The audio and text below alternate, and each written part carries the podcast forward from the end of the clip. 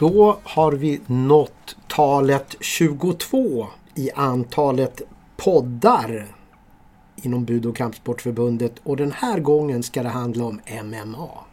Jajamensan, vi har bjudit hit Amir Malikpour och Anna Astvik. Som båda tog EM-guld här i Rumänien för bara en halvannan vecka sedan. Så det är fin besök idag. Jajamensan! Ja, varmt välkomna. Tack, tack. Tackar. Ja, eh, om vi börjar med dig Anna. Hur, hur har de här senaste dygnen varit för dig? Eh, De har varit jättelugna. Jag har typ sovit för det mesta, hängt med familjen och vänner och bara kopplat av lite. Och sen så har jag såklart eh, börjat planera lite inför eh, hösten och se vad nästa steg blir. Spännande. Mm. Amir, dina dygn? Ja, det har varit spännande. Jag kom tillbaka på hopp om att jag ska ta det lugnt och här, ta en semester och vila lite. Men eh, det där lugnet som kom, kommer efter stormen, det gillar man inte. Så jag har redan, jag har redan bokat en match i Västerås om eh, sju veckor. Mm. Så det är träning. Så det är dubbelpass igår redan. Jag är tillbaka på träningen och det känns bra. Mm. Nya tag. Hörrni, eh, de här EM-gulden ni kom hem med då? Mm. Om vi börjar med dig Amir. Berätta lite om EM-resan Del. Det var mycket känslor. Det var första gången jag var med. Jag hade dålig erfarenhet eh, av eh, Sandalandslaget. Jag var med utan att vara förberedd på grund av skador. Jag kunde inte träna i tre veckor och sen var det direkt VM mot de bästa i världen som har tränat minst 10-15 år just Sanda och jag hade tränat 10-15 pass i, totalt.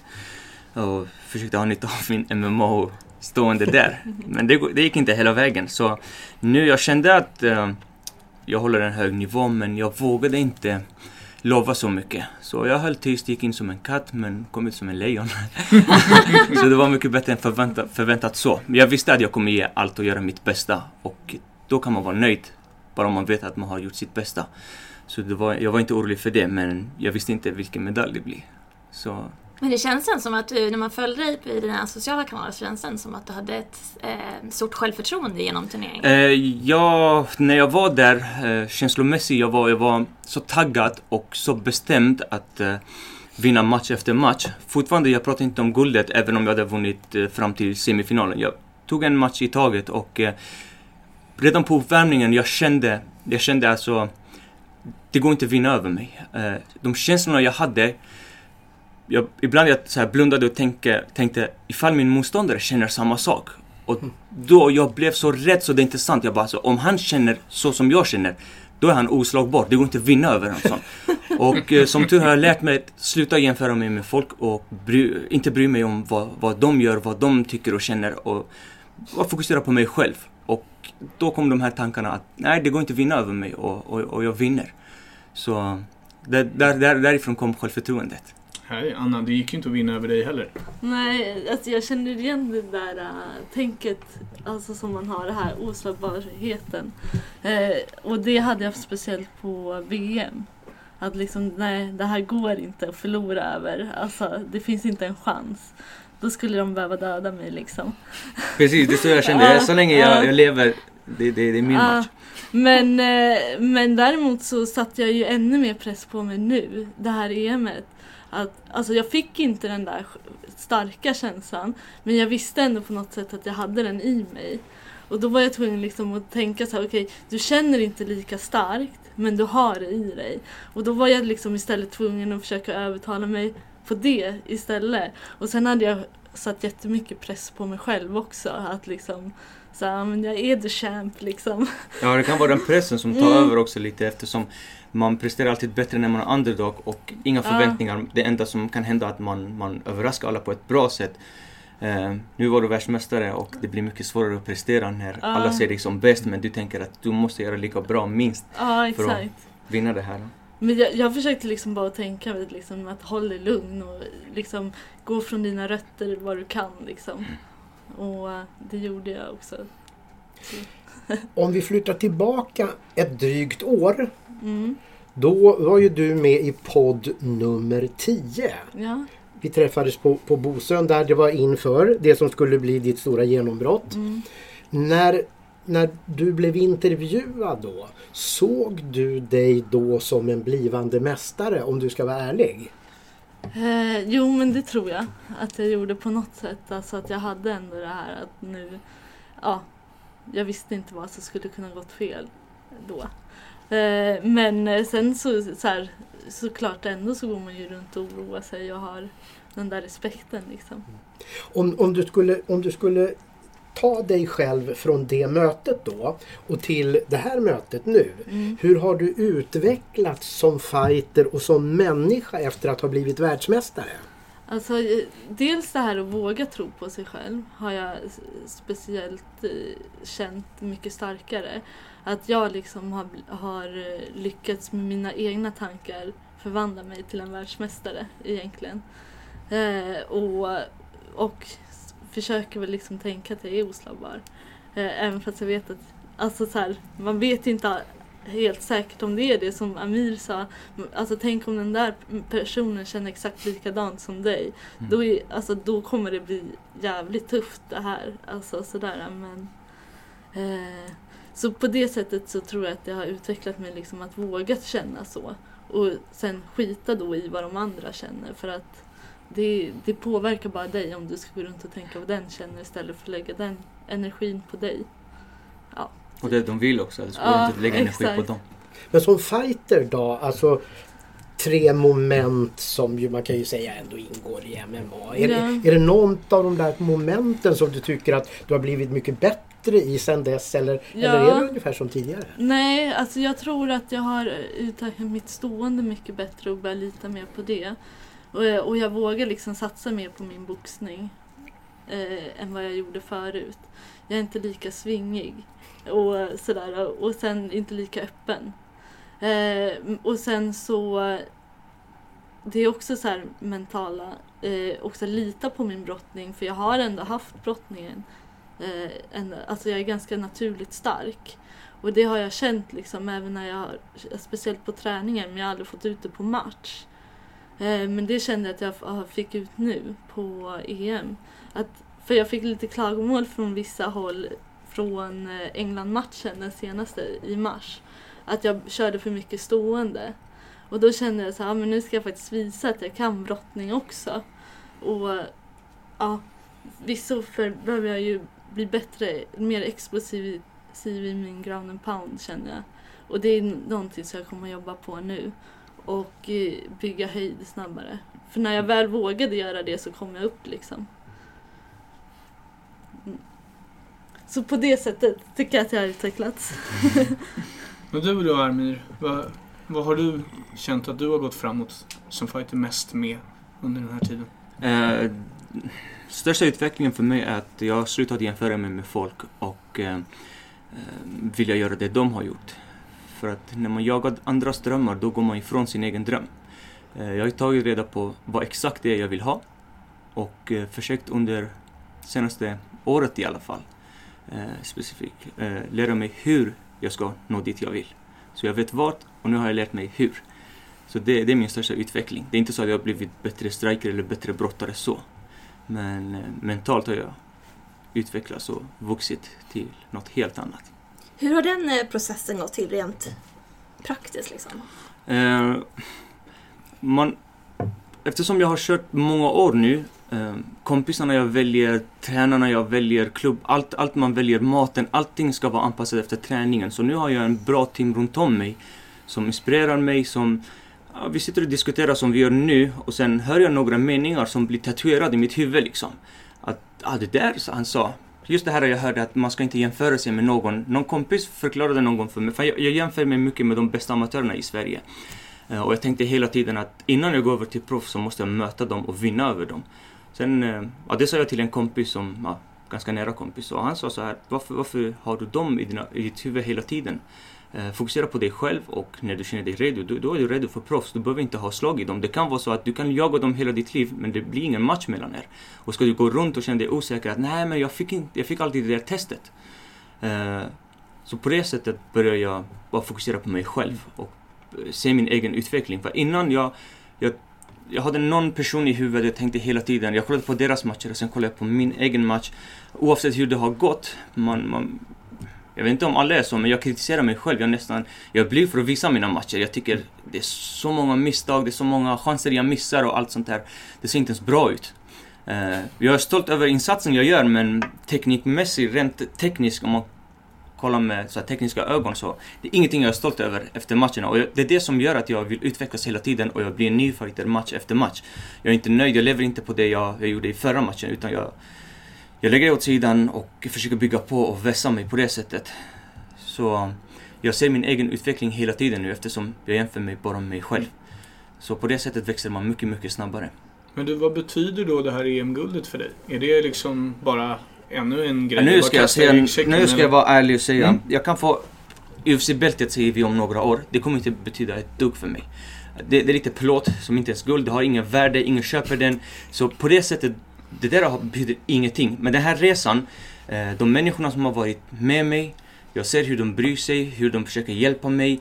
Eh, när jag är där och kollar nu, säger jag Facebook, när jag öppnar min Facebook och kollar vad folk skriver, vad de känner för mig, vilka som... Jag får sådana meddelanden där folk blivit, eh, har blivit tårögda när de ser mig gå in. De har darrat och de har så här, gått in till sina jobb för att se mina matcher live. Det är det där som betyder för mig. Inte själva den där lilla plåten jag får runt, eh, runt halsen.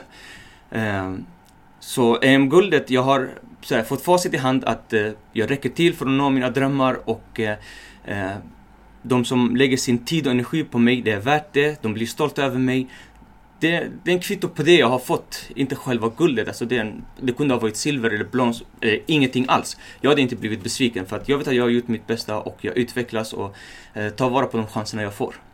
Så, mm, in, ah, som sagt, själva guldet betyder nästan ingenting. Det är fascinerande på något sätt tycker jag för att eh, om, vi pratade lite förut om, om fighters och så här innan vi började podden. Mm. Och eh, många har ju speciella uppfattningar om folk som är fighters. Mm. Men när man hör dig beskriva din väg fram mm. så skulle man ju kunna tänka sig att de som är i, i, alltså som håller på med ishockey eller fotboll är de som har varit fighters och du tvärtom. Mm. Därför mm. att du är så himla välformulerad och så mm. genomtänkt och så spirituell jämförelsevis. Det är klart, de är ju intervjuade hundra gånger mycket mer än vad du är. Men, men alltså någon som tror att man behöver vara lite småpantad för att hålla på med det här ska verkligen lyssna på hur du uttrycker dig. För, för du ger ju ett helt annat intryck av fighters än den uppfattning många har. Tack så mycket. Det kan vara så att jag har förmågan att uttrycka mina känslor bättre än vissa. Eh, men eh, om jag nu ska prata om för alla fighters, jag tror inte det är så många, alltså jag känner ingen som älskar att fightas. Det är ett ord man säger, jag älskar att slåss, men det gör ingen människa. Gå in, riskera att bli skadad och riskera att skada någon och leva med det samvetet. Det är själva livsstilen vi älskar. Det är respekten man får, det här att man hjälper ungdomarna, man inspirerar folk. Jag menar, när en ung kille skriver till mig på nätet att jag har inspirerat dem och jag ser hur jag påverkar deras liv. Eh, jag känner mig rik på det sättet. Eh, jag, jag, känner hur, hur den här sporten ger och hur jag ger tillbaka till samhället på det sättet. De där fem minuterna jag är inne i buren och slåss, det är inte ens en halv procent av min tid i kampsporten. Vi, vi lägger så mycket tid, energi, pengar, allting ja. på, på det här. Det, det är livsstilen man är efter. Men många som, som är utanför och tittar och ser bara toppen av isbergen, de tänker att ah, det här är djur i bur och de, de ja. försöker skada varandra. Många gånger har, har min flickvän fått den här frågan, är han aggressiv hemma? Eh, vad gör han när ni bråkar? Mm. Och eh, hon, hon är också bra på att förklara hur, hur jag är som person men den bilden folk har av mig, det är något helt annat än vad jag egentligen är. Uh, och uh, oftast är okunniga människor, de, de, de vet inte så mycket om fightingslivet. Och uh, jag förstår dem, det är inte deras fel. Det är någonting man måste leva i för att fatta. För att jag har som sagt till och med kampsportutövare som går runt och påstår att de älskar att fightas fast de inte gör det. Mm. Och när det är dags för att gå in i buren, de mår jättedåligt. De går runt och så här helt nervösa. De hoppas på en djurbävning eller någonting, att det ska bli inställt. De tänker, vad har jag gett mig in på? Var, varför gör jag det här? Men uh, i helheten, det, det, är livsstilen man älskar. Mm. För jag tänker också apropå det här att uttrycka sig. Eh, vi har ju suttit då på på, på kampsportgalor och, och, och, och nästan sett ut som Svalbon när Hamza har gått upp och pratat. Alltså, han pratar ju som man nästan skulle vilja att politiker kunde prata. Mm. Om, om att, att se på, på folk omkring och agera och, och vad som är viktigt och hur man som individ kan vara eh, spännande för andra och så vidare. Så att, så att liksom den här bilden av, av kampsportare som, som många har, den, den kunde nästan inte vara mer felaktig. Så är det, så är det. Och eh, sättet UFC, UFC började växa fram, det hjälpte inte det heller. Det, det blev lite mer ved i eldet liksom. Eh, det var många mismatch och nu, alltså om man söker på, på MMA, någon frågar, mig vad, vad tränar du? Jag bara MMA, vad är det? Men du kan googla säger jag. Och det är det största misstaget man kan göra. Ja. Söker man det, då kommer det så här flygande tänder och hängande ögon liksom. Och eh, det är inte så att de visar tekniker där man Nej. försöker gå ut från en triangel eller hur man eh, tar ut sig Nej. från en giljotin. Utan de visar bara när man blir toknockad. Precis, man dör stående och ramlar på sina knän så hårt att båda knäna går sönder och sånt där. Och det var den bilden bland annat min pappa hade om, om MMA. Och Ja, det tog för mig kanske två år att få han med till träningen bara för att han ska se. Det är inte så att vi dör, alltså vi dödar varandra på träningen. Och när jag var där, han, han fick något helt annat. Ja. och Han trodde att jag har så här, bett folk att ah, vi, vi tränar inte MMA, vi kör Ja, lugn träning, något helt annat. Det är inte så ni tränar. Jag bara, jo det är så vi tränar. Så det, det, tar, det tar tid tills folk eh, börjar få förståelse för vad, vad MMA är och vad det innebär. Man ser på highlighten och det är något helt annat. Anna, kan man bli... Ja, förlåt, jag tar ordet här. Nej, jag tänkte fråga liksom vad du möts av för reaktioner när, när folk får veta att du är världs och Europamästare. Det, det är inte så många som vet det än kanske men, men så småningom vet de ju det. Vad, vad, vad, vad säger folk då? När de, De, alltså oftast bara du som är så liten. Alltså, det är väl typ det vanligaste. Och man bara, ah, jag som är så liten. Så. Eh, och det är viktklassen brukar jag förklara då. Och sen så typ, ja men grattis, lycka till med dina drömmar liksom. Mm. Det är de reaktionerna jag får och det är oftast väldigt positivt. Eh, sen finns det vi- vissa som liksom, ah, tjejer ska vi inte hålla på med det där. Laga här, mat i köket. Ja, typ. ja. Kan man bli trött på de där fördomarna som fighter? Alltså, det är en öppen fråga till båda er. Att, liksom, ni är ju otroligt professionella i det ni gör. Ni är otroligt dedikerade i det ni gör. Det är, det är ju alltså en enorm bedrift att dels sköta träning och ha ett jobb att gå till och sköta ett liv vid sidan om. Sådär. Kanske inte tjäna så stora pengar heller på det. Ehm, och ofta få betala sina egna Mm. resor och sådana Mm. saker. Mm. Ehm, kan man bli trött på att liksom, mötas av den här okunnigheten? Jag tror det beror på hur målmedveten man är. Jag blir inte trött på det. Jag tänker så här. För 500 år sedan om man hade sagt att man ska ha TV, då var man största idioten i samhället. Eller om man hade sagt att ja, man ska prata i telefon och någon annan hör dig i samma sekund i andra sidan av världen. Folk tyckte att de här människorna var dumma i huvudet, alltså de var utanför samhället. Och eh, det jag gör idag, jag vet vad jag håller på med, jag vet hur bra det är men det är, det är för tidigt för vissa.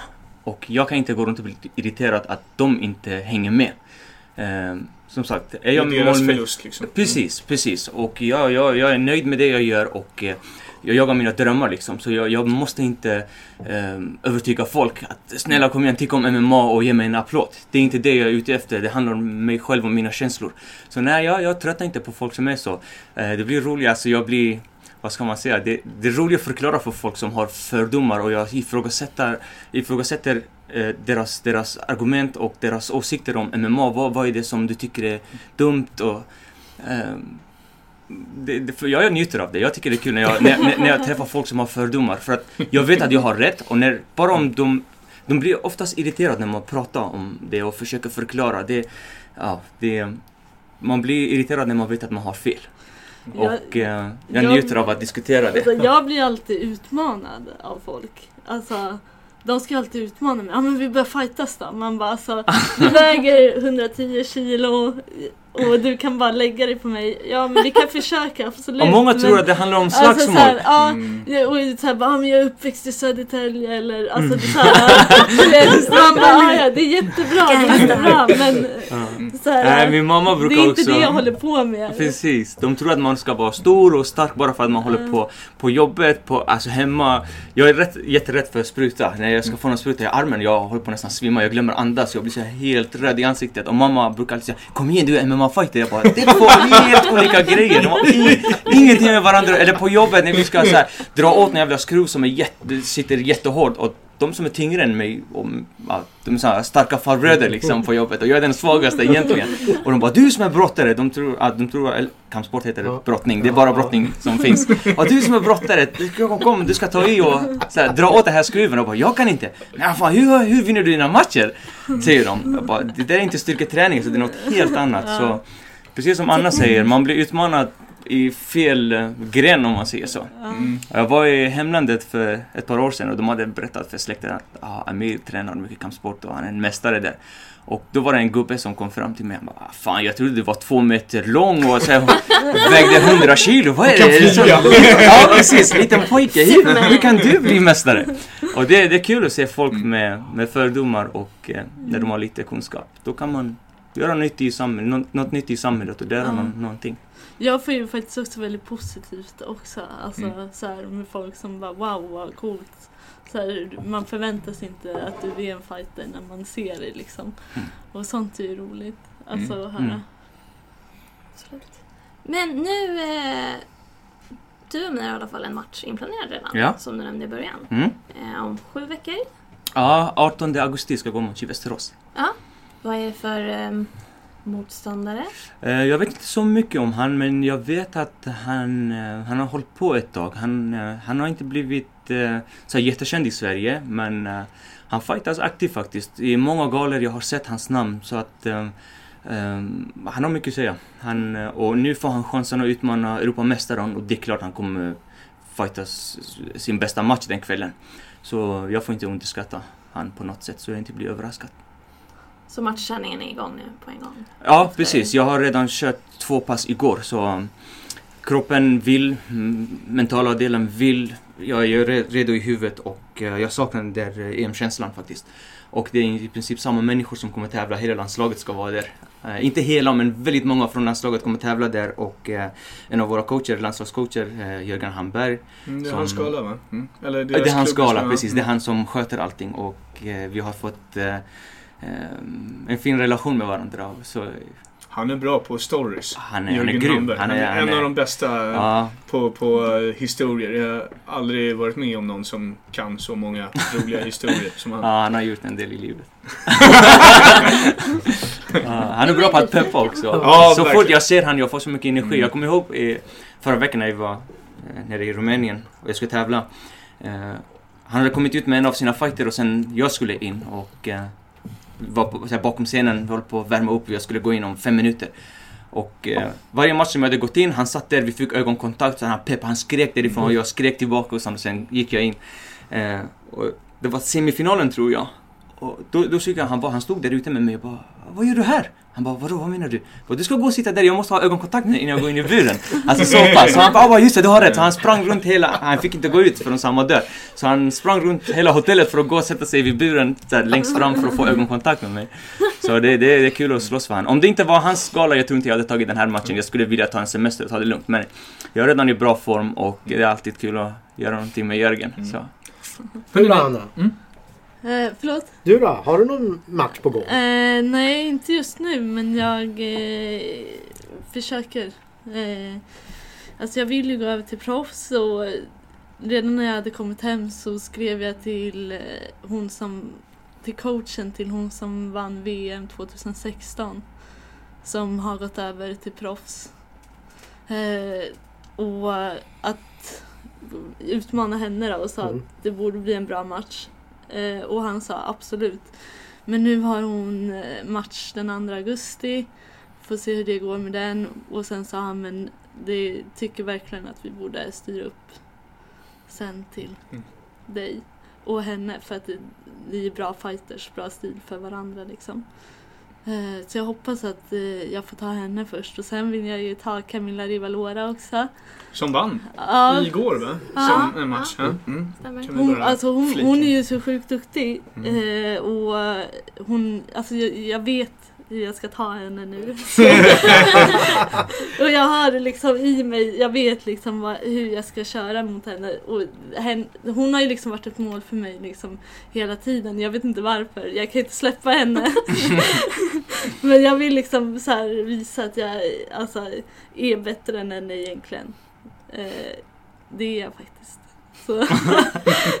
Ska bara visa det. Ja, jag ska bara visa det. Även om jag har förlorat två gånger så på, på pappret är jag inte det. Men i, huvudet, i mitt huvud är jag det. Så henne vill jag såklart möta. Och sen så är det även en eh, polack som jag vill möta också. Eh, Carolina någonting. Eh, Borcek eller sådär. Eh, som alltså också är skitduktig. eh, Vunnit sina eh, alltså, åtta amatörmatcher och typ sex av dem i knockout. Och så förlorat en. Eh, och nu har hon gått över till proffs och fått skitbra sponsorer och sånt där. Så hon är verkligen på topp. Så henne kommer jag ju vänta med kanske ett år. Tills jag liksom har förstått hur hon funkar. Men nu, hon är i mitt huvud. Ja, hon är i mitt huvud också, samma som Camilla. Men eh, ja, Men Jag du känner, dig, du känner dig klar med amatördelen då i alla fall? Ja, alltså jag kommer gå VM om jag inte får någon proffsmatch. Eh, så kommer jag ta VM tror jag bara för att hålla igång tävlandet. Gå Men- VM för att hålla igång bara. Det är det landslaget i fotboll gör nu också. Håller igång det lite där borta. Nej men alltså så här, ja det kanske låter lite konstigt men det är Så är det när det är hög nivå. Ja. Mm, Ja, ja. absolut. Och sen alltså jag saknar faktiskt på amatör att få alltså, använda armbågar. Eh, alltså mer ground and pound och alltså vara lite mer grisig för det är min stil. Och jag vill liksom, eh, alltså så här, nu blev jag uppryckt mot eh, buren och sånt där. Eh, men jag håller ganska högt så jag, liksom, om jag hade fått använda armbågar så skulle jag kunna fått in några fina där och kommit ut snabbare. Nu fick jag ju gå på nedtagning. Samma sak också i ground and pounden. Alltså när jag skulle komma upp att jag, alltså om jag fick använda armbågar och slå ut mig därifrån Mm. så hade jag kunnat byggt höjd snabbare. Så det kliar lite i Ja, armbågarna dig. precis. Du är sugen nu alltså. Nu är det dags. Ja, faktiskt. Jag, jag vill gå över till proffs. Och sen så också så här mindre handskar. Eh, att få, eh, alltså att det kommer bli jobbigare med mina slag i alla fall. För jag har, jag tror, jag har ju trott att jag har den där kraften. Men jag har ju tydligen inte den där knockout-kraften än i alla fall. Eh, men eh, att jag får ha tunnare handskar och sånt där så kommer ju sätta mer skräck på motståndaren. Och det vill jag göra. Stålar då? Vad det också. Vad tror du att... ja tack! Nej, men, ja. ja det, Stålar, det ja, tack. Ja precis, det är därför jag också vill gå över till proffs. Eh, för att jag får ju betala för, Ja. för i och med att jag är andra rankad i Sverige så i- får jag ju betala för mina resor till VM och EM och sådär. Eh, så det här EMet betalar jag 13 000 för och istället för att jag betalar det så kanske jag kan få det. Ja. Så varför inte satsa på det? Men har, har du någon uppfattning om det- den här matchen du snackade om, som du, där, dit du hade hört av dig? Ja, Eh, har du någon aning om vad du skulle kunna få för en sån fight? Nej, ingen aning. Inte- och jag bryr mig faktiskt inte så Nej, okej. mycket, bara jag inte får betala för det. Utan bara jag får gå och bygga upp mitt records liksom. Eh, Så alltså det räcker om jag bara får ja, 3000. Alltså jag kommer ta den ändå. Men eh, jag vill, jag kommer ändå försöka förhandla lite. Hur ser det ut? Hur Är ser du bra förhandlare? Jag vet inte, kanske. Ja! Ja. Men hur ser det ut eh, när, man, när man jagar match liksom? Proffsmatcher. Är det något som du får sitta och göra själv eller? Jag gör det själv för att eh, då vet jag att det blir gjort för det första. Eh, och sen så liksom ha en manager som inte ens har råd att betala för. Eh, liksom, jag har ju knappt råd att betala för mig själv. Så, så då är det bättre att göra allting själv. Eh, och sen så eh, försöka, alltså jag jobbar ju så lite jag bara kan och tränar så mycket jag bara kan och försöker liksom leva så och så göra så mycket jag kan för mig själv Mm. innan fightingen också. Och försöka lägga upp som en affärsplan, liksom vad, vad är det jag vill. Och jag ska, alltså, efter de här tre matcherna som jag hoppas att jag får eh, så tänkte jag att jag ska höra av mig till en vikta för att försöka få någon match där. För där är ju de bästa efter UFC tycker jag i alla fall. Eh, och sen så blir man mer sedd av UFC-människorna liksom. Så eh, mitt första mål är en vikta Mm, mm. i alla fall. Spännande. Och det kanske blir så att om det, om det blir bra för mig så tänker jag att då kanske jag kan möta polacken där äh, i Invicta. Det, det är liksom det jag har i huvudet. Du Du har har en plan! Ja, jag har en plan. men sen vet jag inte om det kommer bli så. Men det är liksom mina drömmar. Och du då Amir? Du, du har ju match då som vi har redogjort för. Men hur ser framtidsplanen Jag ut ska för gå hela året som amatör i alla fall. Det vet jag. Och sen eh, efter VM, eh, jag tror det blir proffs efter det. Men eh, var jag ska köra, vem jag ska möta, det vet jag inte. Och det spelar ingen roll heller. Eh, pengarna är inte viktiga för att eh, det är inte ens värt att prata om. Det är så små summor. Eh, man kommer aldrig någonsin kunna leva på det. Även om man är bäst i världen. Det kommer hålla ett par år och sen Sen är det slut med pengar igen. Så eh, är man ute efter pengar, eh, kampsporten är helt fel karriär. Den tiden och energin och uppoffringen man, man lägger ner för sporten, gör man 10% av det så kan man tjäna stora pengar i något annat. Så mm, nej, kampsporten är helt fel om, om man ska offra så mycket för att få pengar. Men eh, om man älskar eh, livsstilen och njuter av resan, då, då kan man hålla på hur länge som helst. Men har man ett mål och tror att jag ska bli lycklig när jag har nått det här målet, då är man fel ute. Det, vi har sett många så här OS-medaljörer i olika sporter som tar livet av sig när deras karriär är slut och det är bara för att de har, de har inte njutit av resan. De har lidit som en i helvetet för att nå målet och när, när de når målet, lyckan finns inte där och de tänker shit, jag borde ha njutit av resan som är redan slut. Och när man är 40 år, man kan inte börja om. Eh, och det kan bli så jobbigt att man faktiskt tar livet av sig. Eller Ja, precis, precis. Vi har sett Börja många som blir alkoholister eller tar skit bakom droger. Eh, man får det här att man tror att man ska bli guldig. Man, jag brukar säga så här, löven faller från trädet när de får falskt självförtroende och de tror att de är guldiga. Inte när de är gröna och eh, utvecklas och växer. Eh, så den dagen man tror att man är bäst och man har nått sina drömmar och nu är jag lycklig, då faller man. Och det försöker jag undvika redan nu och förebygga liksom. Jag vet vad, vad som gör mig lycklig, det handlar om hormoner i huvudet och eh, hur jag mår i stunden, inte vad jag äger. Eh, saker och ting, material kan göra mig lycklig eller få mig att känna mig glad för en kort period. Det har aldrig gått eh, eh mer än 99, det finns forskning som säger så här, rekorden i världen är 99 dagar för material, att man ska känna sig lycklig. Det har aldrig blivit tre, tresiffrig. Man kan inte gå runt och vara glad för en bil eller för ett hus eller för en, en medalj i mer än 99 dagar. Och det är inte värt att sätta hela livet för. Så eh, jag njuter av resan, det blir som det blir. Som sagt, så länge jag vet att jag har gjort mitt bästa, tagit vara på mina chanser och inte varit lat. Eh, det enda jag vill när jag är äldre, jag ska kunna sitta vid en pool, jag har sagt det flera gånger, jag vet. Jag ska kunna ha en eh, cigarr och martini i handen och veta att jag förtjänar det här jag har gjort mitt bästa. Jag, jag tar inte det här för att jag har råd med det, utan jag gör det för att jag förtjänar det. Mm. Det är det jag är ute efter i livet. när det gäller uppmärksamhet då för, för vad ni ändå har åstadkommit. Mm. Ni har vunnit ett internationellt mästerskap. Mm.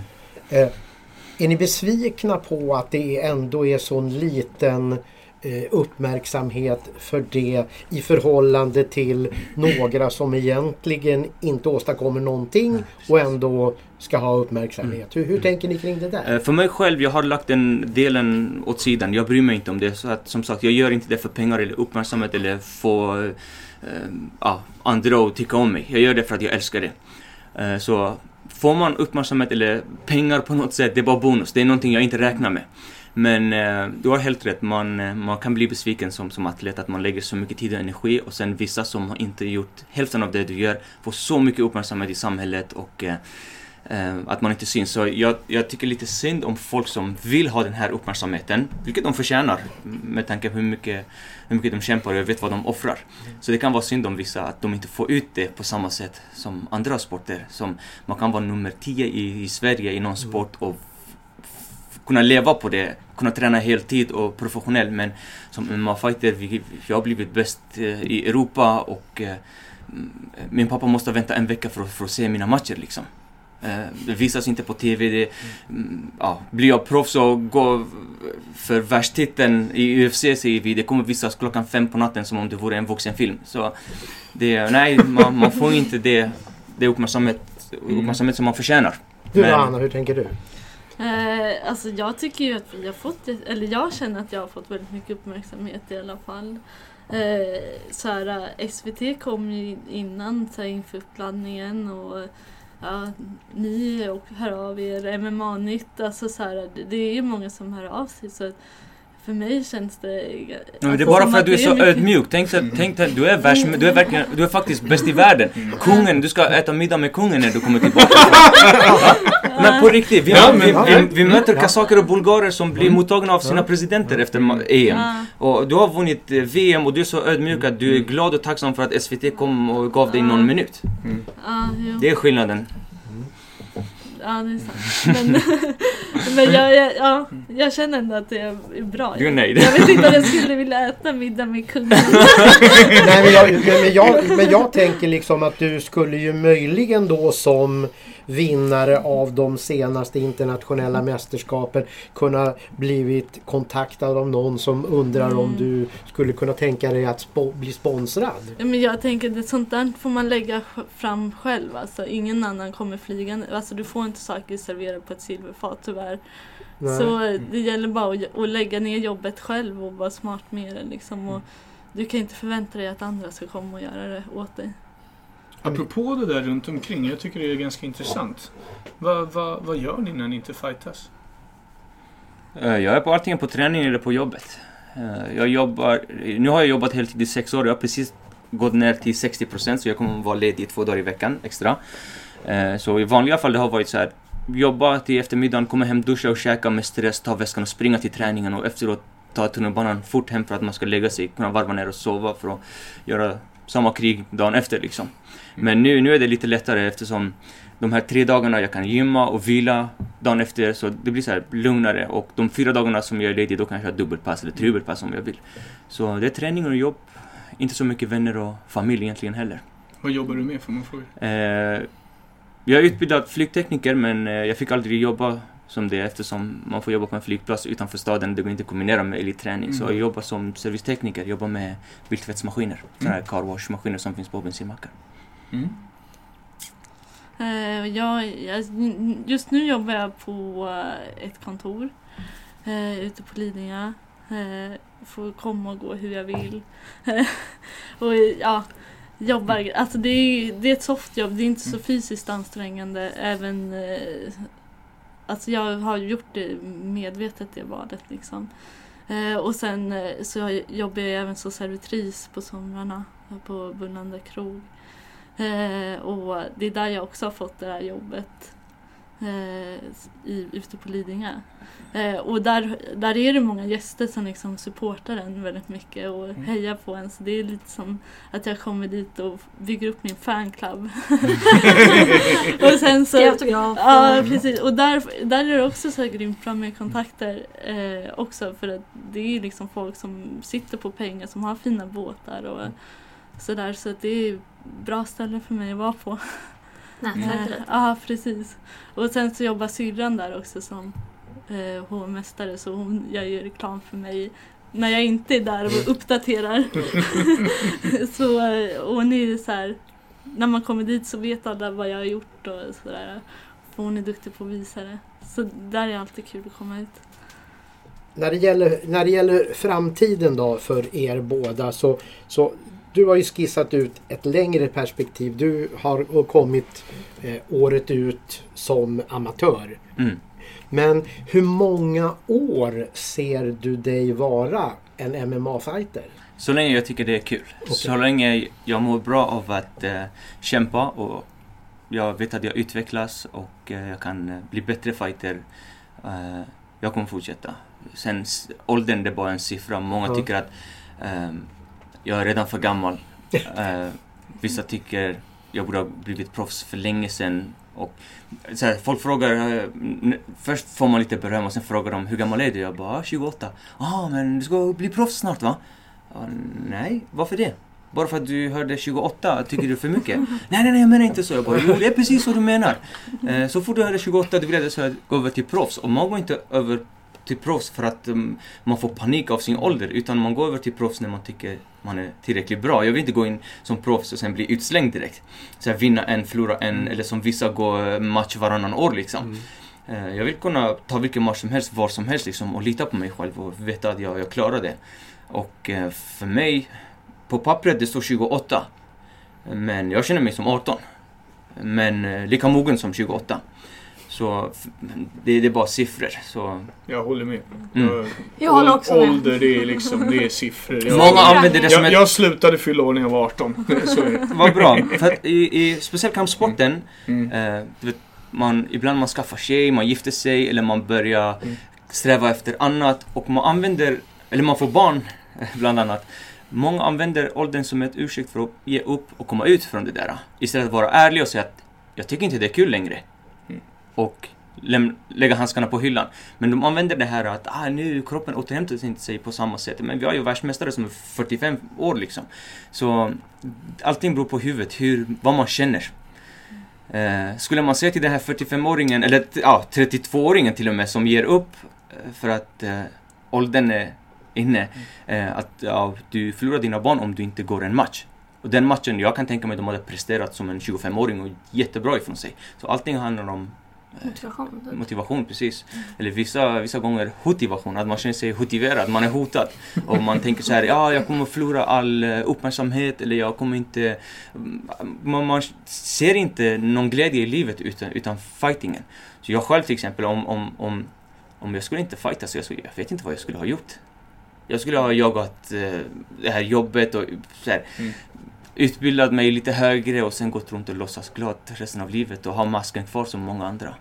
Nu säger jag inte alla som, som eh, satsar på sina jobb har masker, men eh, det finns väldigt många som eh, måste dricka varje vecka för att klara av livet.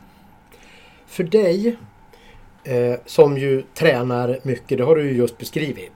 Mm. Eh, tycker du att hur vältränad du är, är det viktigare än din mentala inställning för framgång i själva matchmomentet? Mm. Eh, för att kunna träna på, på, på en klubb, kunna sparras och gå igenom de här passen, självklart man ska ha tränat eh, fysiskt. Men när det kommer till match, jag tycker 90% om inte mer, nu vill jag vara på den säkra sidan, därför säger jag 90%, är den mentala gamen. Hur fysisk du är, vilken kondis du har, hur eh, eh, stark du Allt det där tillsammans totalt blir 10% tycker jag, max. Resten är bara sitter i huvudet. Intressant. Det är, och många som tävlar ett par gånger, inte de som går två matcher och inte hittar det där och slutar. För att de tror mycket att ah, jag ska träna väldigt, väldigt hårt och sen gå in och eh, kriga och slå den andra blodig. Men de som fattar att det här är eh, mentalt, det är de som går mycket längre. Alla som var på EM, vi var överens om att mentala biten är, är A och O. Mm. Är det så för dig också Anna? Ja, helt klart. Alltså, det är ju nästan bara mentalt kan jag känna ibland. Mm. För att eh, du är, alltså så här, i och med att du tränar så pass mycket som du ändå gör så är du i god fysisk form. Det gäller bara att få ut det på match. Mm. Liksom. Så det är jättemycket mentalt. När jag jobbade på Radiosporten så intervjuade jag vid ett tillfälle Alex. Gustafsson. Ja. Mm. Eh, Och då ställde jag den här frågan. Kan du beskriva när du sitter där inför matchen och de, liksom de andra lämnar oktagonen. Vad, vad tänker du då? När, när, när du inser att det är jag mot honom Mm. och det är bara det det handlar om nu. Mm. Och då sa han så här. Fan, det där var en jävla intressant fråga. Mm. Det är viktigt att man vet vad som händer där. Precis. Det är många som inte vet. Det är som att du har stoppat deras huvud under vatten. Och de är i en överlevnadsmode liksom. Men eh, jag har läst och jag har eh, jämfört mig med det jag läser för att se om det instämmer och jag har full koll på vad som händer. Eh, dagen innan, kvällen innan, samma dag, uppvärmningen, allt under den, den tiden. Eh, eh, det är min vardagsperson som styr och den försöker få mig att ångra mig. Min vardagsperson, eh, det är en gammal del av hjärnan, den, den, den, hänger inte med i det här moderna samhället så det har inte förklaring för, för vad fighting är. Eh, eller tävling är på det sättet. Den känner faran och den försöker få mig att ångra mig. Därför man man blir rädd, man tänker på de sämsta scenarion, att jag kan bli så, jag kan skada mig på det viset, jag kan skämma ut mig, inte kunna prestera. Man går igenom alla de här scenarion för att stoppa, stoppa mig att gå in i, i buren. Men när jag är inne och domaren frågar om man är redo, och man påstår att man är det, fast man inte är det. Egentligen mm. hjärnan vill bara att du ska fly därifrån.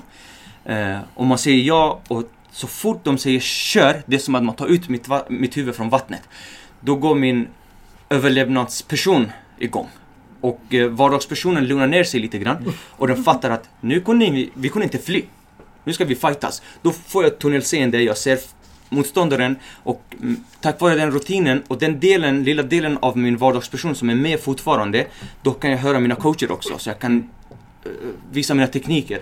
Och det här rädslan och oro, allting försvinner. Då tänker hela jag, min hjärna och varenda cell av kroppen försöker lösa problemet. För att vi lyckades inte fly från den. Du ska lösa det här problemet och det är en sån skön känsla när den där stressen släpper när man ser kör. När jag går fram, i första matcherna jag, jag visste inte vad det är som händer så när jag gick fram, jag tänkte Gud, det här är för lugnt. När börjar allvaret? Fast vi hade börjat slå, slå på varandra ett par gånger. Vad var det jag var så rädd för? Och jag väntar hela tiden för att allvaret ska börja. Och sen matchen tar slut, jag bara, vad hände? Och eh, nu har jag fattat att det är min eh, vardagsperson som försöker krydda allting och skrämma mig för att jag ska fly därifrån och inte ta den där risken. Inte ta den där fighten. Och, eh, men, men själva fighten är inte så brutal som, som vardagspersonen försöker framhäva. Liksom. Precis. Så det är jättekul när man har koll och vet vad som händer. Jag njuter av den där, ja, genom situationstecken, rädslan jag har innan. Och jag, jag vet att det är bara min försvarsmekanism som försöker skydda mig. Ju oroligare jag är, desto bättre försvarsmekanism jag har, har jag tagit så, reda på. Så om oron inte finns där, då skulle du kunna bli rädd? Då, då, då tänker jag att det är någonting som inte stämmer. Det här kommer inte sluta bra. Mm. Jag tror att man aldrig är så lugn som man är i, alltså när man väl är inne i buren. Ja, det blir alltså, läskigt lugn. Det blir alltså, så äcklig lugn. Ja, nu vet du vad du ska göra. Du har gjort det här. Alltså så här, att man, alltså så här, för att, ja, men som Ami säger, man kan inte fly. Så att allting bara blir så här, okej, okay, lugn nu. Så här, du man vet vad du ska göra. Det finns inget annat liksom än, alltså du gör det här varje dag. Eh, det här sitter i dig liksom, det är bara att köra på nu nu får du liksom visa vad du, vad du har gjort alltså det senaste halvåret eller det senaste man haft match. Liksom. Eh, så att, alltså, fight, alltså matcher i sig, det är så bra liksom, resultat på ja, men, har det här funkat, det här träningsupplägget jag har haft. Liksom. Så det, det bästa är när man får matchen efterhand. Liksom. Och man kan sitta och, då kan man faktiskt sitta och njuta av det mera än, än när man väl är mm. inne i det. För att när man, alltså, också som du är när man är inne, visst man är, blir lugn och sådär men du har ju ändå en ångest över att förlora. Mm. Eller jag kan ha det i alla fall. Alltså såhär bara nej fan du får inte förlora, du får inte förlora. Så här, och då, alltså du blir ju skärpt då liksom. Har du några ritualer som du känner att du måste gå igenom före matcher? Nej, alltså, jag, alltså folk har ju pratat om så ritualer och sånt. Men jag, jag, alltså, jag vill inte ha, vågar inte ha det. För att tänk om jag inte kan ha den där ritualen. Kommer mm. det bli konstigt i mitt huvud då? Eh, så att jag har liksom ingen ritual så. Eh, jag brukar lyssna på en spellista som jag alltid lyssnar på liksom innan. Ja, det är en ritual. Ja, ja i och för sig. Men, eh, men den lyssnar jag ju oavsett på. Liksom, ja, just det. Alltid. Mm. Och sen så, också när de ropar upp mitt namn i och för sig så måste jag snurra. så här, jag måste liksom Anna Astrid och så måste jag snurra sådär. Det är en till ritual. Ja. Mm. Men kan, kan, så jag har i och för sig kanske ritualer nu när jag tänker på det. Bara att jag inte har. Vad har du för låtar då? Du behöver inte säga alla men några kan du väl säga vad det är som... som... Ja, men, det, det är också olika eh, beroende på vilket mode jag är i. Jag- Alltså då plockar jag ut från den här spellistan Ja. liksom. Säg några bara, Som, du behöver inte dra. eh, Det är såna här låtar som ingen känner igen men nu har det varit så fransk folkmusik som jag hittade. Oj, cool. Ja, som har väldigt bra rytm i sig och det är lite så här zigenaraktigt. Ja. Eh, och, så, och ja, den lyssnar jag på liksom nu innan för att liksom få det här uh, rytm, rytmen i det. Du trodde du skulle till, Tra- till Transylvanien också? Ja, precis. Jag minns, jag minns en, om man tar en liten sån här ritualgrej, så minns jag en gammal fotbollsspelare i eh, Elfsborg var det, som eh, gick och sparkade på en papperskorg nere i korridorerna inför varje match. Så han vann skytteligan eh, ett år i Allsvenskan. Sen gick han, eh, efter omvägar kom han till den föreningen som jag stödjer då och det gick inget bra alls. Eh, fanns och då- inga papperskorgar? Nej, då var det några, då var det några hungriga supportrar som tog resan ner till Borås och åkte och hämtade den där papperskorgen. Men spelaren gick bara förbi den när den var i, i liksom korridorerna. På, eh, och det gick inget bra ändå. Så ritualer ska man ha. Har du någon ritual? Ja, precis. Mm. Ah, erkänn! Jag ska inte säga avslöja allting. Nej, jag, jag har börjat med det här, jag gör en kullerbytta och upphopp när jag går in Ja. i buren. Och när jag gör det, jag får... I mitt huvud så får jag energin från en uh, OS-brottare som är bäst i världen idag. Eh, en ung kille som...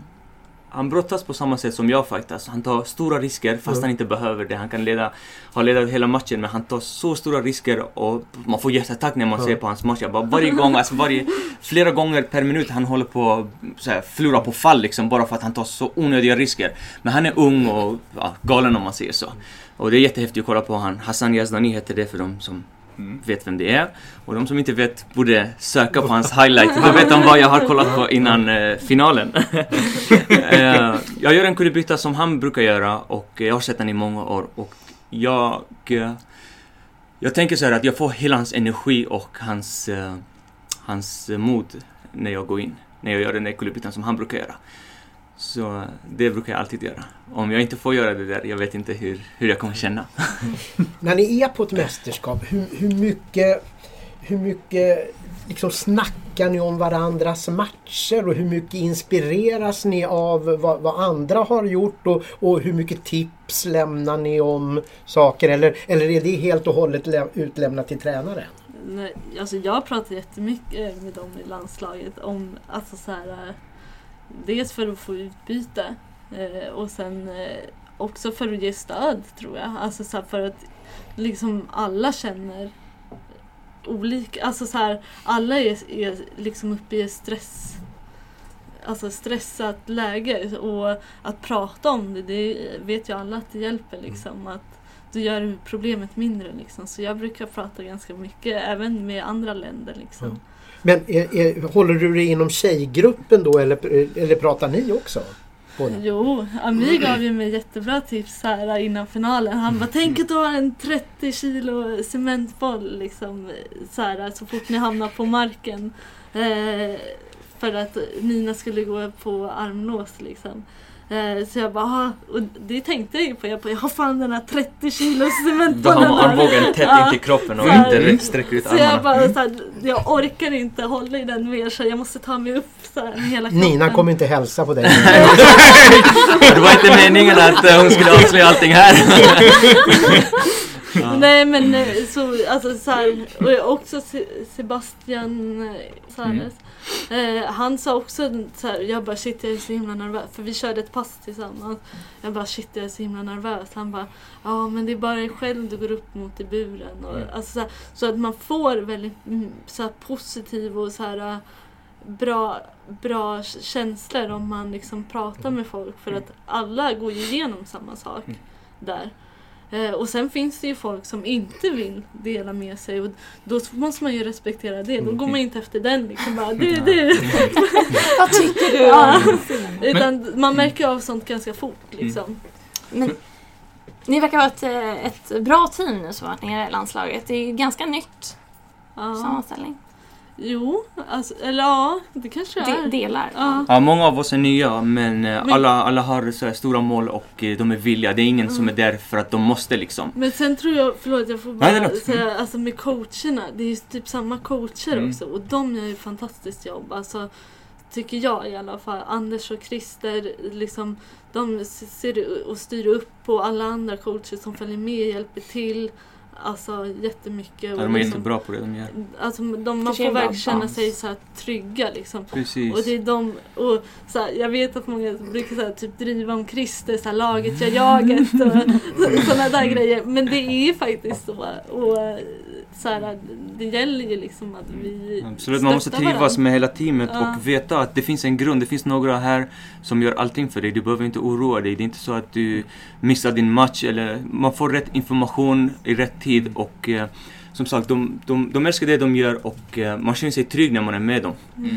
Uh, och uh, på tal om det här hur, hur man brukar göra, umgås och sånt där innan matcherna. Det är inte så att jag är partisk och har kommit sagt till Anna hur hon ska vinna matchen över Nina. Hade Nina visat att hon var orolig, jag hade sagt bra grejer till henne också. Mm. Jag är så här, jag... eh, om någon är, in, är inte orolig, då försöker jag ha kul med den personen. Prata om någonting som inte har med nerver och tävling att göra. Vi pratar om annat, om framtiden eller om dåtiden. Eh, försöka komma ifrån den där atmosfären lite grann. Men eh, ofta så möter man folk som är väldigt, väldigt oroliga och tyvärr försöker gömma det. Och det, det syns igenom direkt. Jag frågar ja, hur mår du? Och eh, de säger bra på ett sätt som säger skitdålig.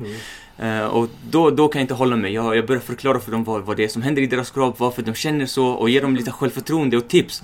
Så eh, det är det jag håller mig till egentligen. Och uh, går runt och peppar folk och så man inte tror att jag har bara sagt till Anna någonting. Hon ska vinna matchen mot Nina och hon ska hata mig. Nej, nej, nej, nej. Ja, eh, jag är så att jag ser till och med Men så är det verkligen. Alltså du pratar med alla. Tack så mycket.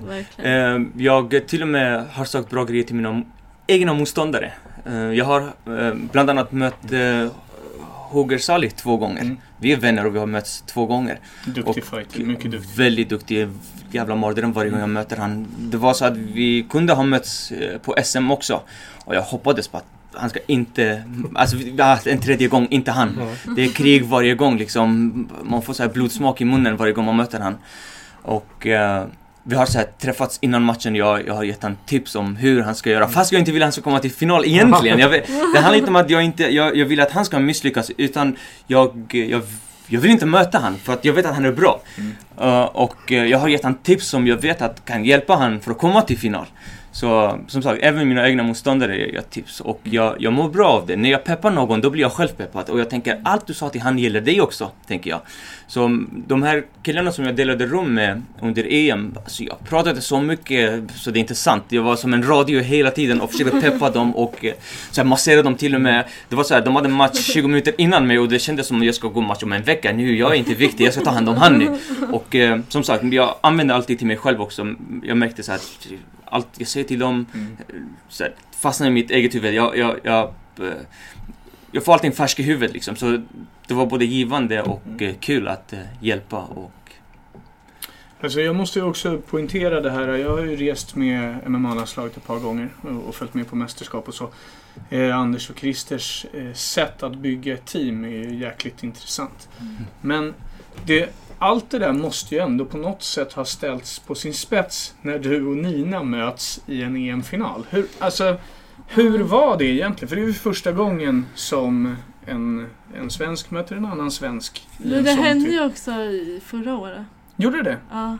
Med Fanny Redman. Just det, så var det. Mm. Eh, Men eh, om vi tar den här nu som var med mig och Nina. Mm. Så eh, var ju det, alltså Ja, det var väl lite konstigt alltså så här, för, för min del. Alltså så här, man bygger ändå i, upp någon sorts så här, ja men hon vill åt min guldmedalj liksom. man har inte Alltså, frukost så här- med varandra och sen ska man slåss. alltså så här, det är klart att man ändå blir lite så här, alltså så här, lite Personlig. hatisk. liksom så här, "Ah, alltså du ska inte ha det här. Mm. Alltså så här, men samtidigt så här när hon alltså jag tittade ju på hennes första match för jag blev ju på baj. Eh, så jag tittade ju liksom på hennes första match på onsdagen och jag fick ju rå ångest liksom. Jag bara shit vad duktig hon är. Alltså så här, Eh, och sen så även liksom så vann hon, jag såg inte den matchen men hon vann ju dagen efter också. Jag bara, det här kommer att bli tufft alltså. Så, här, eh, så att, alltså så här, när man dels då går, och jag och Nina vi har ju hjälpt varandra, vi har ju sparats och sånt där in, inför det här. Eh, så att vi har ju verkligen försökt att stötta varandra också. För det tror jag är liksom skitviktigt i och med att vi båda är hungriga, båda vill. Så vi behöver varandra. Så för mig är det ju också kul att hon är där. Men det blir ju lite så här, alltså så här, ja men typ Jörgen coachade henne. Eh, och då kanske inte jag går direkt till Jörgen liksom och eh, säger hur nervös jag är eller någonting. Mm. Så alltså, det är duktigt ändå att man, alltså, man får sina coacher. Jag hade Anders och Bessan Mm. som eh, också hade mig på VM så jag känner mig liksom trygg med det. Mm. Det är alltid intressant när man möter någon antingen från samma landslag eller eh, som jag gjorde under SM, mötte en klubbskamrat. Och många tänkte, hur, ja, hur, hur ska det här gå till? Men sen jag tycker det beror på, antingen ser du det som en sport eller inte. Mm. Jag brukar säga att jag kan möta min egen brorsa också. Det, jag går inte in för att mörda någon. Jag går in för att vinna en match och det är en sport. Eh, om vi spelar schack mot varandra eller ja, tävlar i simning, det är inga konstigheter för folk för att de, de ser det som en sport.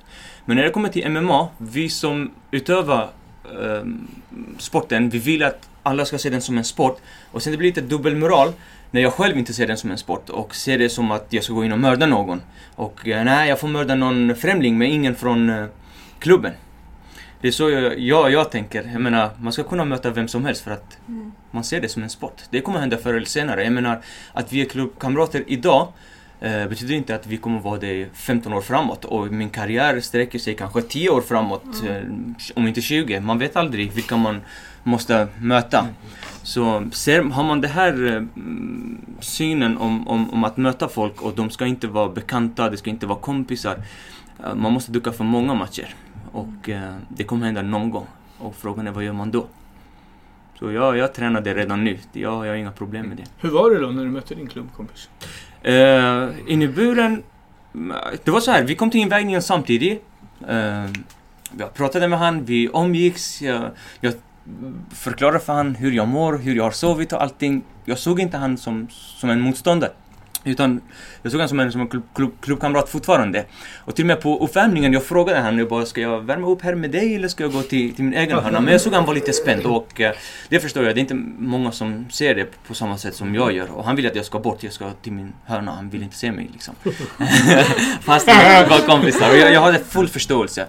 Eh, och eh, ja, men eh, när domaren säger kör, då går min försvarmekanik, eller vad heter det, överlevnadsperson igång och jag har stora mål och eh, jag, har inte, jag har inte tränat så många år, jag har inte lämnat min... Jag har en, en syster på 10 år som jag förlorade chansen att se henne växa upp.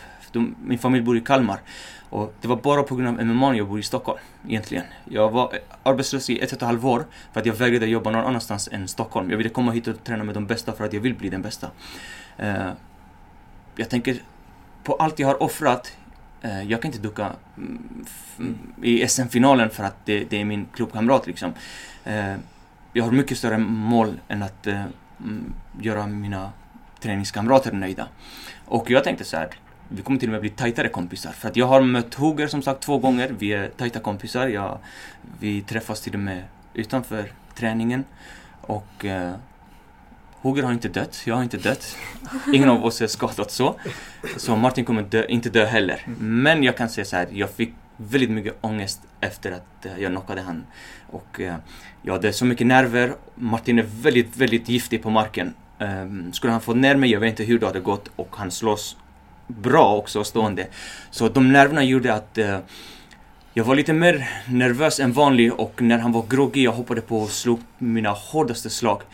Och eh, jag hade så här, eh, sprickor i alla knogarna, mina händer hade svullnat och jag tänkte vad har hänt i hans huvud? Och jag, han var inte på klubben, jag var inte på klubben, jag, jag såg han kanske två månader senare och jag hade ångest under hela den här tiden.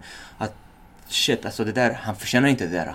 Han är en fin kille, men som sagt, det, det är en sport och sånt där kan hända, man kan inte undvika allt. Och ja, jag var tvungen att göra det jag gjorde, men eh, det var inte kul känsla. Det, jag tänkte hela tiden att det är ingen fara att möta någon man känner och sånt. Men eftersom jag har tränat med Martin i kanske tre år, vi har träffats minst två, tre gånger i veckan och sen göra sådär, jag fick, jag fick mycket ångest. Men eh, det, det kommer inte ändra någonting. Jag eh, sväljer det och Mm. sen ja, blinkar framåt. Du har ju snackat här om att du kanske inte har sån vidare slagkraft. Nej. Men, men har, har du några tankar? Jo, det har och, och, har du några tankar om det här nu när du ska få kanske mindre handskar? För då kommer det ju ta hårdare. Ja, alltså det är det jag vill. Ja. Det är det som jag tycker skulle vara mycket mer intressantare. För att eh, då skulle det bli jobbigare för den andra tror jag. För jag ser det i mina slagväxlingar att jag får in mer slag oftast än mina motståndare. Eh, om jag skulle kunna ha mindre handskar också så tror jag att det hade blivit betydligt jobbigare.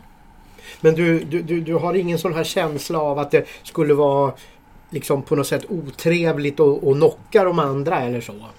Du har inga sådana... Mm, nej, det hade varit gött. Du ser fortfarande fram emot det alltså? Ja, precis. Det, ja, det hade ju varit bara positivt tycker jag. Sen att jag själv kan bli knockad, eh, det, alltså det, det är också lite läskigt för jag har ju en tendens att liksom blocka slag med skallen. eh, och, och kanske inte har all den här respekten som jag borde ha eh, ifrån slagen och folk som har gått över till proffs säger att det är annorlunda liksom att du blir chockad över hur mycket ondare det gör. Eh, men, eh, och då tänker jag så här, men fan vad bra liksom. För det är kanske det jag behöver.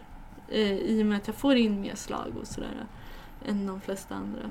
Men du har ju också den stilen lite grann, tycker Mm. jag. att Du litar väldigt mycket på din blick och din stans. Ja, exakt. Eh, och försöker ju ducka mer. Alltså, ibland kan det faktiskt se ut som att jag blir träffad fast jag inte blir det för den glider precis så. Eh, liksom mot sidan. Så att folk kanske tror att jag blir träffad men jag blir inte träffad. Och då gäller det att jag kommer in hårdare med mina slag. Liksom. Jag hörde en som sa att skälet till att du blev världsmästare när du blev det var att du så till den milda grad följde den matchplan du hade. Ja, Är det, är det en styrka du har tycker du? Ja, eh, ja, för att det har blivit liksom, alltså jag, jag gillar ju det där. Alltså jag tycker om spelet i MMA och det är det som jag brinner för. Liksom, att få liksom räkna ut, okej vad ska den här göra den här människan? Alltså vad vill den göra? Och vad kan jag kontra på den då? Eh, och sen så om inte den personen gör någonting att jag då försöker gå in och göra så att den gör det den vill göra. Eh, så det, den, den jag tror du tänkte på det var den i VM Mm. i semifinal mot Kazakstan. Skitduktig så här, stående och väldigt snabb i fötterna. Eh, och hade höga, alltså en overhand som hon liksom siktade in mot. Jag tittade på hennes match eh, dagen innan som gjorde, och där den där bulgariska tjejen som hon mötte, nej Bahrain, förlåt, eh, gick rakt in i Mm. hennes Mm. slag precis så som hon ville. Mm. Hon lyckades styra matchen. Eh, och då tänkte jag så att okej jag ska inte springa in i de slagen. Och det gjorde jag inte och, och sen till slut så lyckades jag liksom alltså mentalt komma över henne och då kunde jag fokusera mer på det jag skulle göra. Så det tog någon rond innan jag liksom kunde det. Men eh, sen så nu i finalen i SM är jag lite förvånad för då åkte jag ju ändå in i Ninas game på något sätt. Att jag fortsatte på marken. Även om det var också det som jag hade tränat på. Men i huvudet hade jag ju tänkt att jag bara skulle ta ner och ställa mig upp och fortsätta stående. Men jag föll lite i hennes game så det är någonting som jag måste tänka över nu. På hur jag inte ska göra det nästa gång. På något vis. Ja. Kan man under en match känna om man har eller inte har mentalt övertag kring sin motståndare? Alltså rent Det fightermässigt. känner jag med en gång. Gör det? Eh, Jag tycker så här, så fort man börjar tänka, då har man tappat greppet. Om man bara reagerar, då behöver man inte tänka så mycket och det går mycket fint. Men om man börjar tänka på längden på motståndaren, hårfärgen på motståndaren, blåmärken på hans ansikte, Mm. då, då kan man inte reagera och eh, vara lika snabb. Och eh, eller om, när de går på en nedtagning och man misslyckas stoppa dem och man om jag tänker så här, jag måste ställa mig upp, det är ingen fara. Men om jag tänker så här, shit vad stark och snabb han var. Börjar tänka i de banorna, då har jag tappat eh, det mentala äh, greppet då. Och eh, då kommer det inte sluta bra. Lyckas man stänga av det där och bara påminna sig själv, reagera och sluta tänka, då, då kan man kanske samla ihop sig. Men oftast när man hamnar i de tankarna, det är för att man har gett upp mentalt och börjar hitta, över ett sätt, hitta, hitta ett sätt att överleva, inte, inte vinna. Och det är det man ska undvika. Tänk, går man in i att jag ska överleva den här matchen, då kommer det inte sluta bra. Då, då förlorar man garanterat. Men kan du se på din motståndare hur, hur hans eh, liksom... Eh, Eh, jag kan, om, om de inte är så här jättebra artister och... Mm. ehm, ja, ja, precis. Om de inte spelar riktigt bra teater, det märker jag redan vid domaren. ah, När jag kollar i deras ögon, den som viker blicken har accepterat förlusten. Man är inte där för att mm, här, döda mig eller jag ska vinna. Utan de, domaren säger ja, hör ni mig? Ni, ni ska lyssna alltid på mig. Och de kollar på domaren. Och det där är ett sätt för dem att eh, omedveten vara undergivna. De är inte där för att riva sönder mig, utan de är där för att överleva bara. De vill göra en match och gå hem bara. De vill inte vara där. Vinsten betyder inte allting för dem. Men när man kollar i deras ögon och de kollar tillbaka och man håller på i en hel minut. Domaren skickar oss tillbaka till våra hörn, de vägrar vända sig. De backar medan de kollar i dina ögon. Och det är inte så att de ser aggressiva ut, utan det där lugnet att eh, de är bestämda och de vet vad de vill och vad de ska göra. Det där är läskigt. Och eh, det där jag, jag, jag känner redan om jag har övertaget eller inte. Sen eh, vissa som Renato Vidovic som, är, som vann Mm. också guldet, vi har Mm. mötts. Han eh, var den hårdaste blicken jag har mött. Mhm. Han var precis som mig själv och jag tänkte Spelar han som jag gör eller är det äkta? det, var, det, var, det var intressant och ja, han, är, han är duktig när det kommer till sådana där mentala grejer tycker jag och han vann den matchen. ja. Men du verkar gilla det här mentala spelet också. Ja, som sagt, det är 90% av gamet. Så Mm. om man inte gillar det och tycker det är jobbigt, då blir det jättejobbigt. Det blir en eh, jobbig resa. Så Mm. jag, som sagt, jag ser utvecklingen i mig själv och jag, jag njuter av att eh, jag hänger med och jag lär mig och eh, eh, det, det är en stor del av, av gamet. Man, man, man ska utvecklas inte bara mm, i muskler utan hjärna. Men du då Anna som ju mötte Nina. När ni möttes och blickarna möttes där. Kunde du på något sätt avgöra hur, hur ställningen var mellan er när det gällde... Nej, alltså jag är inte som Amir och stirrar på dem utan så här, jag, eller jag tittar på dem när jag går fram. Men sen tittar jag på domaren för att eh, Ja, dels för att inte bli rädd själv. Ni ser. och titta, alltså så här, och sen, alltså så här, jag vet redan vad jag ska Ja, det är göra. väldigt jobbigt att liksom. kolla någon i ögat. Alltså så här, så då, så här, jag, jag vet vad jag, om jag börjar titta på den och försöker läsa av den vad Mm. den känner, då kommer jag bli stressad över Okej. det. Mm. Så jag väljer typ att, alltså jag tittar och sen så tittar jag på domaren och så tittar jag lite så här och sen tittar jag på domaren igen liksom så att jag alltså och det är det jag vill se när jag, Mm. när jag går fram till motståndaren. Jag vill att Mm. de ska inte orka det där trycket. Jag kollar Mm. på dem, de tycker det är jobbigt, de kollar bort. Och tänker Mm. jag, det är samma sak han kommer göra när jag sätter press med boxningen eller med brottningen. Mm. Han kommer vika undan, han kommer inte slå tillbaka. Men däremot så, eh, alltså så här, man kanske inte ser i blicken under match att de börjar ge upp. Men man kan känna det i deras kroppar. Okej. Alltså så här, att det liksom till slut bara blir den, alltså från att vara så jättespända till att liksom bara typ okej jag ger mig. Och då, den känslan är skön. Ja, för det då känner man så här, bara, "Ah, ja men då, du var jätte nu. Mm. Så Ja, man känner det när de Ja. boxas mot dig. Man tänker det här är ingen match de Nej. gör. De, de har hamnat i en sån eh, sparring mode liksom. De Mm. bara Ja. slänger händerna för att det ska se bra ut. De Ja. vet att den träffas inte men de slänger det Ja. bara. Då vet man okej, de, de är inte här för att slåss. Och det, Alibi det, fighting. Ja, och Mm. för mig det är det tråkiga delen tyvärr. När jag ser när de har gett upp, jag vill att de ska stoppa matchen. Men det är Mm. väldigt svårt att göra det för att de kommer protestera också Ja. självklart. För Mm. att det ser inte bra ut. Men eh, när de har gett upp och matchen fortsätter. Eh, jag njuter verkligen inte av det. Och det, känns, det känns inte bra. Varje slag jag träffar, jag tänker han vill inte vara här. Men han pressas till det. Men jag har ju varit tvärtom också. Alltså den personen som har gett upp under match. Alltså på sätt och vis Mm. också. Och det är också sjukt med det för det är också en skön känsla. på något vis. Alltså, så här, att man Ja, bara, ja. okej, Pressen liksom. släpper och man Ja. tänker så här, kom igen, du, du, Okej, du kommer förlora. det här, Ja, liksom. hon Precis. är bättre än mig Ja, bara. Det bara att försöka njuta av stunden och göra ditt bästa. Ja, precis, och bara så här, ja, ja, nu, nu får hon ta den här matchen. Nu Mm. vet du vad du måste träna på liksom. Till nästa steg Mm. liksom. Så att, Eh, Nu menar jag ingenting dumt mot dig, men Mm. jag själv har gått igenom de här grejerna. Men eh, det är därför man brukar säga att det, det är jättelätt att vara en förlorare. mm. Det, det kan vara skönt ibland att bara ge upp och inte sluta kämpa liksom. Exakt.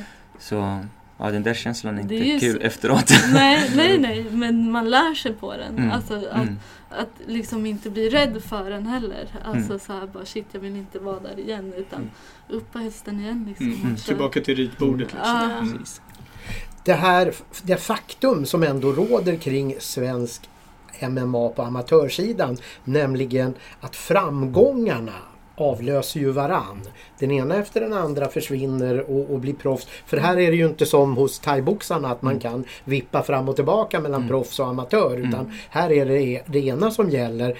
Men trots det så fylls det ju på med triumfer när det kommer mästerskap. Hur, hur, hur- viktigt är det tror ni för, för, för en trupp som åker iväg att det finns en tradition av framgång? Det ger mycket trygghet när man är där och man vet att eh, eh de som är här, det är inte så att eh, vi ska överleva med dem, utan det är vi som sätter standarden här. Det är några av landslagstruppen, truppen, de som är med, har redan varit här. Det är de bästa i världen och de ser oss som den bästa i världen. Och jag ska bara leva upp till det. Egentligen, jag är redan vinnaren. Jag ska bara bevisa det för de som inte tror det. Mm. Och det är en skön känsla. En, eh, när jag var med på Sanda till exempel, vi var uppvärmning på de länderna som Iran och Ryssland och Kina. De värmde upp med, med mig till exempel. Nu pratar jag inte om hela landslaget. Vi har ju väldigt duktiga fighters i Sanda-landslaget. Men eh, eh, där är det inte lika kul att vara svensk som det är i MMA. När man kommer in, man vet att alla är under vår skugga liksom. När vi Mm. kommer det blir dålig stämning. Alla, alla mår dåliga av att Sverige har så många atleter. Eh, när, man, när de kollar på listan eh, i semifinalerna till exempel. Det är så här fyra länder mot Sverige. Mm. Då eh, man vet att man har det mentala övertaget. Och varje gång de kollar på listan att eh, ja, lottningen har blivit så att de ska möta en svensk. Det är inte så att de bara yes. Man vet att de bara nej, fy fan, Mm. inte, inte, inte Sverige. Och det, är- det är en skön känsla faktiskt. Ja. Och vi lever upp till det. Det är inte någonting vi har fått på, på tallriken som Anna säger. Vi har, vi har kämpat för det. Ja. Och, Mm. Det handlar ju om att bygga upp en, en, en långvarig respekt där tror jag. Mm. eh, För vad man håller på med. Jag kommer ihåg, jag vet inte om ni känner igen Caroline Ek, eh, kickboxare. Nej, jag känner nästan inga. Ja, jag vet Mm. Ja, eh, hon eh, berättade någon gång för mig att hon hade kommit till en sån nivå att eh, hennes motståndare till och med började gråta när de såg att oj, vi ska få möta Carro. Mm. Och då kände hon ju, som du menar då, liksom, hyggligt mentalt övertag. Mm. Mm. Ja. kan jag tänka mig. Ja, och, och, men lite så är det ju. Alltså, jag kommer ihåg också thaiboxningslandslaget hade ju en tid då det inte gick lika bra. Och då tyckte ju länder att det var ganska skönt att få en svensk i lottning. Det tycker ingen idag. Mm. Eh, Och det är lite samma sak med MMA här också. Liksom att, Precis. Mm. Och det är inte någonting som våra politiker fixar eller vi kan Nej. köpa utan det, Nästan det, det är äkta. Det är den, en av de mest... Ja precis, politikerna försöker till och med förstöra. Så det är någonting som eh, man får kämpa för om man förtjänar det. Ja, ja, vi brukar retas lite och säga det att eh, kampsportare i Sverige vi fått framgångar trots etablissemanget. Inte Mm. tack vare det Mm. som det är i många andra länder. Precis. Mm, Men eh, alltså det här med eh, att resa med landslaget och det då. Eh, vad, vad betyder det egentligen för, för er? Att vara i ett landslag och tävla. Alltså, eh, för eftersom ni båda då blickar mot proffs Mm. Så blickar ni ju också lite då bort från landslaget. Precis, det, det, den tar lite av glädjen när man, när man vet att det här är ingenting som jag kommer att satsa på. Det, här kom, det är inte någonting som, som, som för evigt framtid liksom.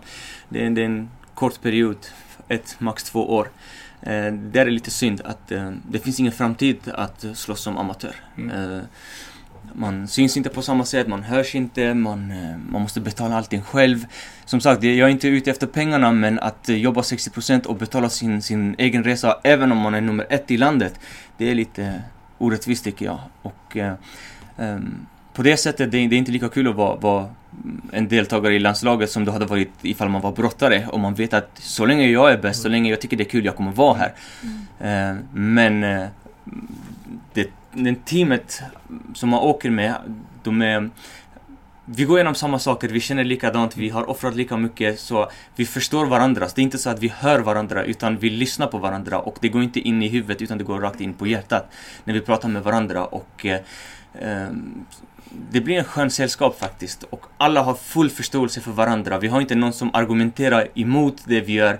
Att ah, varför lägger vi så mycket tid och energi för det? Alltså, alla har förståelse. De är insatta i det vi håller på med och eh, det blir så här grym vecka när man är reser med landslaget och man växer som person och som fighter och man lär sig jättemycket. Ja, alltså jag kan bara hålla med. alltså så här, eh, alltså det är skitbra med landslaget och det, det utvecklar en verkligen för de, alltså även de här mästerskapen, de utvecklar en mest men sen får man ju även hjälp alltså med träningsupplägg och mm. vi får göra fystester och sådär så att det blir liksom mera hur du lägger upp din träning och får rutiner. Vi kan få hjälpa med dietister och sånt också. Eh, så därför tycker jag att alltså, landslaget är jättebra att ha. Eh, för att just komma in i dina rutiner. Eh, och sen så eh, jättekul att resa med dem också. Alltså, så här, det, alltså, det kan vara både jobbigt och kul. För att du känner, alltså du är ju en grupp med människor som liksom är nervösa och det smittar av sig energimässigt. Mm. Eh, men du är i samma mode så det spelar ju ingen roll. Alltså, såhär, mm. Alla marineras där av nervositet. Liksom. Men, eh, och sen så är det så himla kul också, liksom, ja, men typ som när Amir vinner och man bara så får krama och säga grattis liksom. Eller, mm. ja. Och man ser mycket äkta känslor. Det är, mm. Har man någon mask, om det inte har eh, ramlat redan så kommer det falla mm. under, under de här veckorna. För att man måste verkligen vara sig själv och man kan inte låtsas någonting. Det är mm. så äkta så det är inte sant. Och det är jättekul att se människor i sina så här, råaste form. Liksom. Uh, det, det, är så här de är uh. när de är under press. Och det är deras så här, äkta, äkta jag liksom. Det blir mm. jätteroligt på det sättet. Mm. Men som sagt, det, det, är synd att man, man vet att det här inte är långvarigt. Um, man måste förr eller senare lämna landslaget. Och det, det är tragiskt tycker jag. Mm. Har det varit som sagt brottning eller boxning eller något annat, då vet man så länge jag tycker det är kul, jag får vara med. Mm. Men här man kan man kan inte vara med hur länge som helst för att mm. det, det är inte framtiden i sporten. Man måste gå vidare. Och det finns ju en fördel i det för att det, det gör ju att mängden stoppklossar blir färre. Alltså det vill säga det är lättare att det fylls på i landslaget med nya. Ja, eftersom, ja absolut. Eftersom absolut. inga det, blir fast. Precis. Ja. Det, jag har uh, lite koll på till exempel iranska landslaget i brottning. Mm. Och uh, för att vara med där, du ska vara nästan två i världen för att, mm. för att vara med. Du kan vara en av de bästa brottarna i världen ja. men du får inte ens vara med i landslaget, du får inte ens tävla mm. internationellt. Uh, och uh, på det sättet har vi mycket bättre chanser som, som MMA-fighters här mm. i Sverige. Att det, det är nästan en gång per år, det blir nyblod liksom. Ja. En ny generation som ja. kommer in. Så alla har chansen att visa sig och testa sig. Mm. Och veta om det här är verkligen någonting jag, jag vill hålla på med. För att, mm. att gå en match här i svenska ligan eh, lämna hemmet på morgonen, komma hem på kvällen, har gått en match och sen vila en vecka mm. efteråt. Det en, det, man vet inte om det här är rätt grej för mig eller inte för att man testas inte på riktigt mm. sätt. Men är man ute eh, som vi gjorde nu, vi åker till Rumänien och möter de bästa i världen. Matchen börjar redan en vecka innan liksom. Pressen mm. från mm. folk runt om. Vi går till en hotell där 800 atleter är där, alla som försöker psyka varandra, den där spänningen, den där, alltså man andas sin stress, atmosfären, det, mm. den behöver en gnista för att det ska bli explosion liksom kollar man lite för länge på någon då börjar de hoppa på en liksom. Vissa, vissa länder som Irland, de bråkade alltså, in i deras landslag. De nästan dödade varandra på natten. De lät inte oss sova. Det, det, är inte så att de är idioter utan det är för mycket press och vissa hanterar inte det. Du ska vara borta ett tag. Vi säger om du ska tävla i USA, det är ju, ja, du måste gå dit för att kroppen anpassar sig efter uh, tiderna där och uh, luften och allting. Så man måste vara borta ett tag och man måste det är bra att ha testat det och veta att det här är någonting jag vill hålla på med. Mm. Som man inte testade direkt i proffslivet liksom. Det var det de sa apropå, apropå att, att det ska hå- hålla ordentligt inom en grupp. Jugoslaviens fotbollslandslag, när de fortfarande var Jugoslavien. Om, om dem sades det ju att de kommer vara jättebra första veckan. Andra veckan helt ofarliga därför att då är kroaterna och serberna och allting ovänner. Mm. Då, har, då är de inte överens längre så Precis. då, då kan de inte samarbeta. Mm. Så att liksom just det här att, att ha en väl komponerad grupp, vilket det ju blir. Det kommer in några nya, friska, fräscha, därför att några har blivit proffs. Men det finns också några som är kvar. Rutinerade som Ja, kan hjälpa och, andra. Ja, precis. Och, som, och, som liksom, och, och sen så finns det en ledning också som är kvar. Mm. Mm. Så att det, liksom, det blir mycket lättare att komma in som ny om man har Precis. det på det viset och absolut. om man har en, en någon sorts... Hur, hur, hur, hur, viktigt är det där, skulle ni säga, att det finns, att det finns två överledare som, som eh, skö- sköter grejer och så finns det tränare som gör sitt och sen finns det ja, vänliga och, och, och, och positiva fighters att samarbeta med. Hur, hur, stor, hur stor del i en triumf har sånt? Alltså, jag tror det är skitviktigt att eh, ha starka ledare i sånt här sammanhang. Eh, just för att eh, få den här tryggheten när man ska tävla.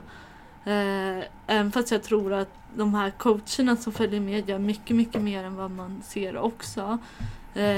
Men, men Christer och Anders är ju ändå de som håller i det. Mm. Och typ med Christer hjälper jättemycket med, in, alltså med det här administrativa med läkarkontroller och alltså sådär. Och se till att man får rätt papper och sånt. Och bara det skapar en trygghet liksom. Eh, och sen eh, hade jag nog mer också men jag kommer inte ihåg. Att de offrar sin tid och energi så mycket. Han, Mm. Anders till exempel, vet du, invägning, visst var det 68 Ja. varje morgon? Och eh, vissa ville gå sex för att äta frukost, vissa som jag som inte bantar någonting, jag ville gå så sent som möjligt och han stod där i två timmar och bara stampade och väntade på oss utan att stressa. Och eh, det där, det ger så mycket när man vet att någon bryr sig så mycket bara för att jag ska inte stressa. Han kan spara två timmar genom att skicka ett sms att nu kommer alla hit och väger sig. Men eh, ingen av dem gjorde något sånt och eh, det är en sån skön känsla att veta att de är här för min skull. De vill att jag ska lyckas. De är inte här för att ha kul, de är inte för att eh, göra så lite som möjligt under så lång tid som möjligt. Utan de vill ha resultat från mig och de gör allt jag kräver. Eh, I sin makt såklart. Eh, den där känslan är oslagbar. När du vet att du har dem på din sida och de, de gör allting Mm. för dig. Och tänk, det kommer försvinna sen när ni blir proffs. Ja precis, det blir eget ansvar men eh, vi, eh, vi... Det här med att Anders och Christer hjälpte oss eh, Det är inte så att vi tar det för givet och blir bortskämda. Vi, vi har offrat jättemycket själva. Vi har eh, krigat dagligen i vardagslivet. Vi, jag menar, vi går igenom strider som folk inte ser, som har ingenting med MMA att göra.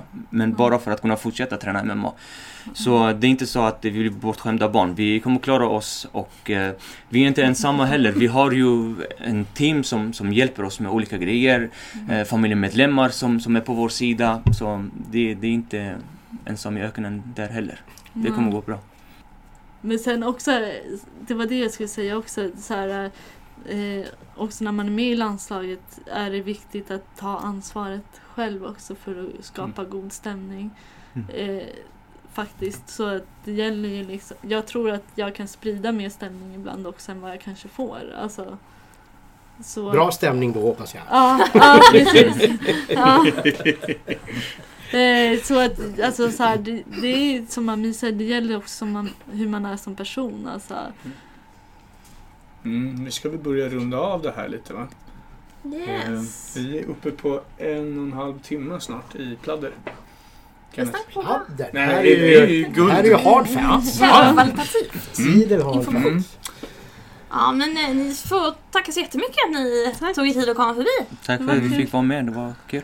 Jättebra samtal. Oerhört intressant. Och eh, stjärnglans i podden idag verkligen. Verkligen. Guld, guldskimmer. Tack. Tack. Tack själva.